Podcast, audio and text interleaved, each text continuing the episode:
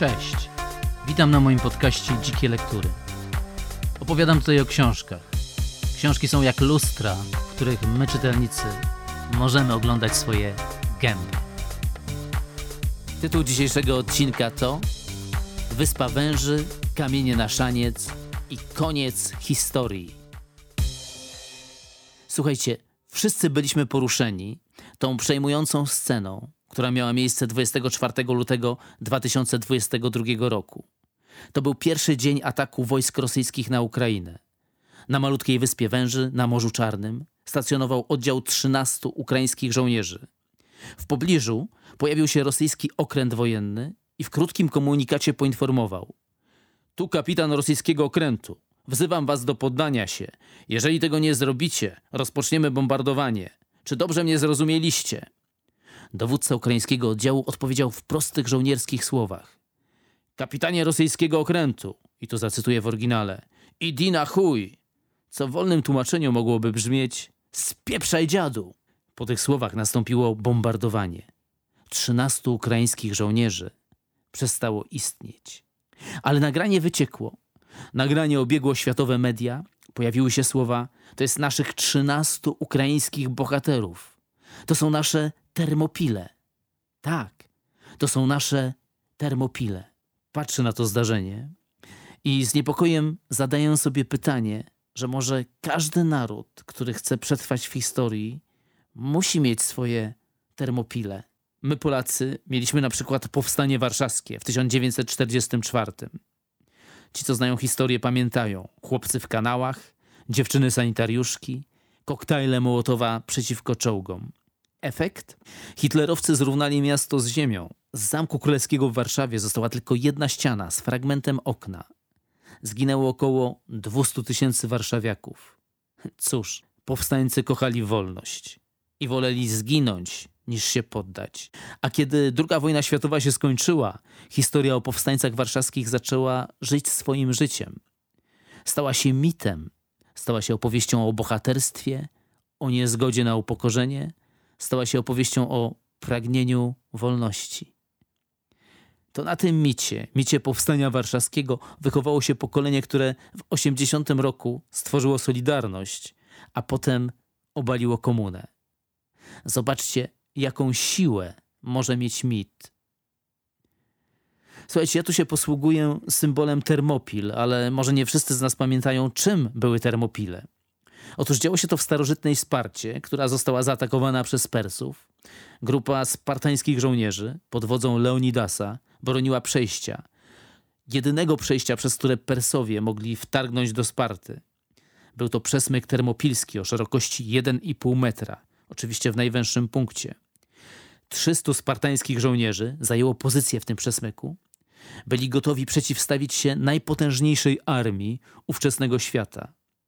Dowódca Persów zresztą przedstawił im propozycję. Oddajcie przesmyk bez walki, miał powiedzieć.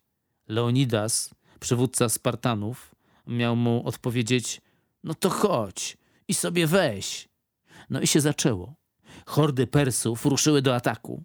Słychać było szczęk żelastwa, obcinane głowy latały w powietrzu. Wąwóz termopilski wypełnił się trupami perskich żołnierzy. Spartanie Leonidasa walczyli zaciekle.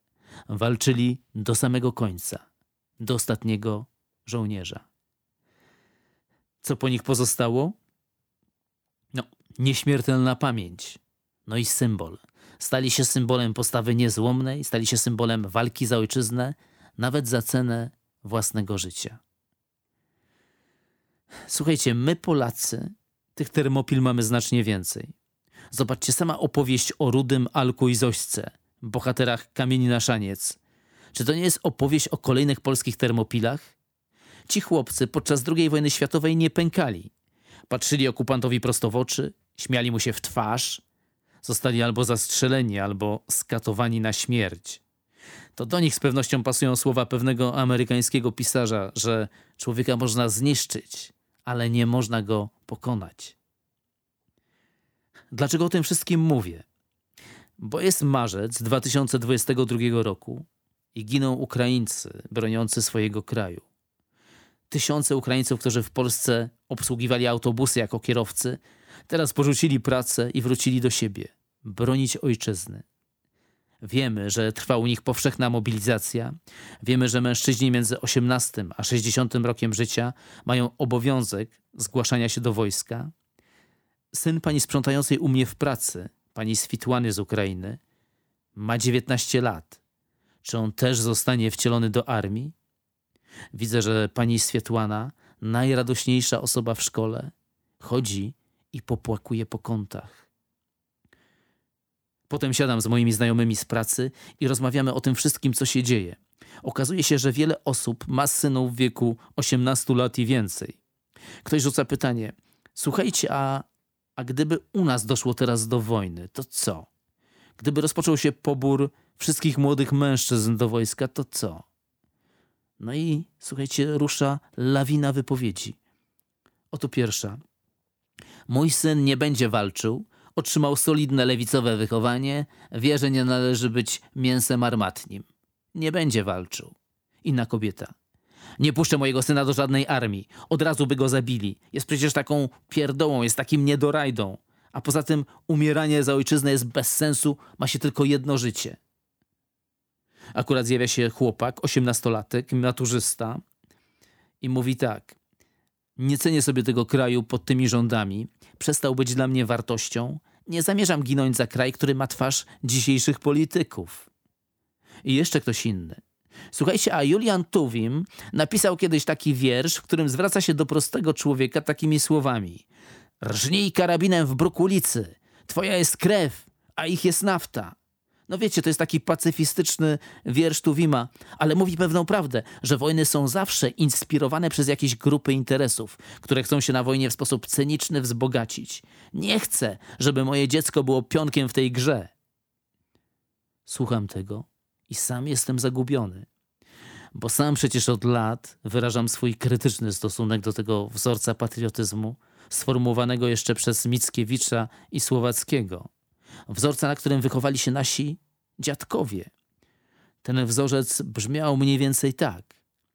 A jeśli trzeba, jeśli to konieczne, idźcie na śmierć po kolei, jak kamienie przez Boga rzucane na szaniec. Przez ostatnie 30 lat wolnej Polski krytykowaliśmy ten sposób myślenia. Krytykowaliśmy również powstanie warszawskie jako akt nieodpowiedzialny, lekkomyślny. Mówiliśmy głośno, że zbyt łatwo w swojej historii szafowaliśmy życiem swoich obywateli, upominając się o wolność. Że Czesi byli sprytniejsi. No właśnie Czesi. Czesi podczas inwazji Hitlera na Czechosłowację w 1939 w marcu nie oddali ani jednego strzału. A Czesi dzisiaj, tak jak i my, mają wolność. A przecież nie mieli swoich termopil, nie wywoływali powstań, nie szli na konfrontację z Goliatem po prostu stosowali strategię przeczekiwania. Czesi nie ginęli w walce za ojczyznę i wyszli na tym lepiej niż my. Więc przez ostatnie 30 lat głosiliśmy tezę, że umieranie za ojczyznę to przejaw krótkowzroczności, że bohaterstwo ładnie wygląda w takich książkach jak Kamienie na szaniec. Ale czy ma sens? Poza tym, słuchajcie, takiemu myśleniu sprzyjało jeszcze jedno. Nie wiem, czy wiecie, ale w 1992 roku pojawił się esej amerykańskiego politologa Francisa Fukuyamy. Esej miał tytuł Koniec historii. Jego teza w skrócie brzmiała tak: Wojen więcej nie będzie. Wojny są po prostu nieopłacalne. Wojny nie opłacają się ani jednej, ani drugiej z walczących ze sobą stron. Dzisiejsze wojny to są pojedynki na płaszczyźnie ekonomicznej. Najlepszym systemem i ludzkość nic lepszego nie wymyśli jest liberalna demokracja. Zamiast inwestować w armię, w zbrojenia, inwestujmy w gospodarkę. Historia rozumiana jako opowieść o kolejnych wojnach, historia rozumiana jako opowieść o kolejnych bitwach, taka historia po prostu odchodzi do lamusa. Mamy oto, szanowni państwo, do czynienia z końcem historii. Koniec historii Francisa Fukuyamy stał się katechizmem zachodniej Europy. Wiara w ideę końca historii stała się naszym wyznaniem, stała się naszą religią. Kupiliśmy tę opowieść, kupiliśmy tę ideę. Niemcy na przykład prawie całkowicie zrezygnowali z armii. Staliśmy się cywilizacją pokoju, cywilizacją brzydzącą się przemocą, Staliśmy się cywilizacją szukającą kompromisu. I do takich wartości wychowywaliśmy dzieciaki w ciągu ostatnich 20-30 lat. Wychowaliśmy więc pokolenie lewicowe, pacyfistyczne, nielubiące przemocy. No właśnie, nielubiące przemocy. Jak ja patrzę na dzisiejsze dzieciaki, to myślę, że ja zupełnie inaczej bawiłem się w ich wieku. Ja i moi koledzy nieustannie tłukliśmy się po mordach, próbując walczyć o swój honor i swoją pozycję na podwórku. A oni? Oni mają jakieś inne geny. To my ich tak wychowaliśmy, bo założyliśmy, że czas militarnych konfliktów przestał dotyczyć naszego miejsca na ziemi. Patrzymy teraz na Ukraińców i wydaje nam się, że oni mają w tej chwili swój wrzesień 1939 roku. Zachowują się tak samo bohatersko i niezłomnie, jak nasi dziadkowie w tamtym czasie. To Ukraińcy mają teraz swoich Alków, Rudych i Zośki, którzy hardo i z pogardą patrzą agresorowi prosto w twarz. To oni co chwilę mają swoje termopile. To oni co chwilę mają swoje wyspy węży. Słuchajcie, strach pomyśleć, jak nasze pokolenie zachowałoby się dzisiaj, gdyby historia postanowiła zrobić nam powtórkę. To już wszystko na dzisiaj, tylko jeszcze jedno pytanie. A wy, co myślicie o wychowaniu pacyfistycznym? Kanał nazywa się Dzikie Lektury. Ja nazywam się Staszek Dudka. Przylajkujcie, przysubskrybujcie, wrzućcie swój komentarz. Dziękuję.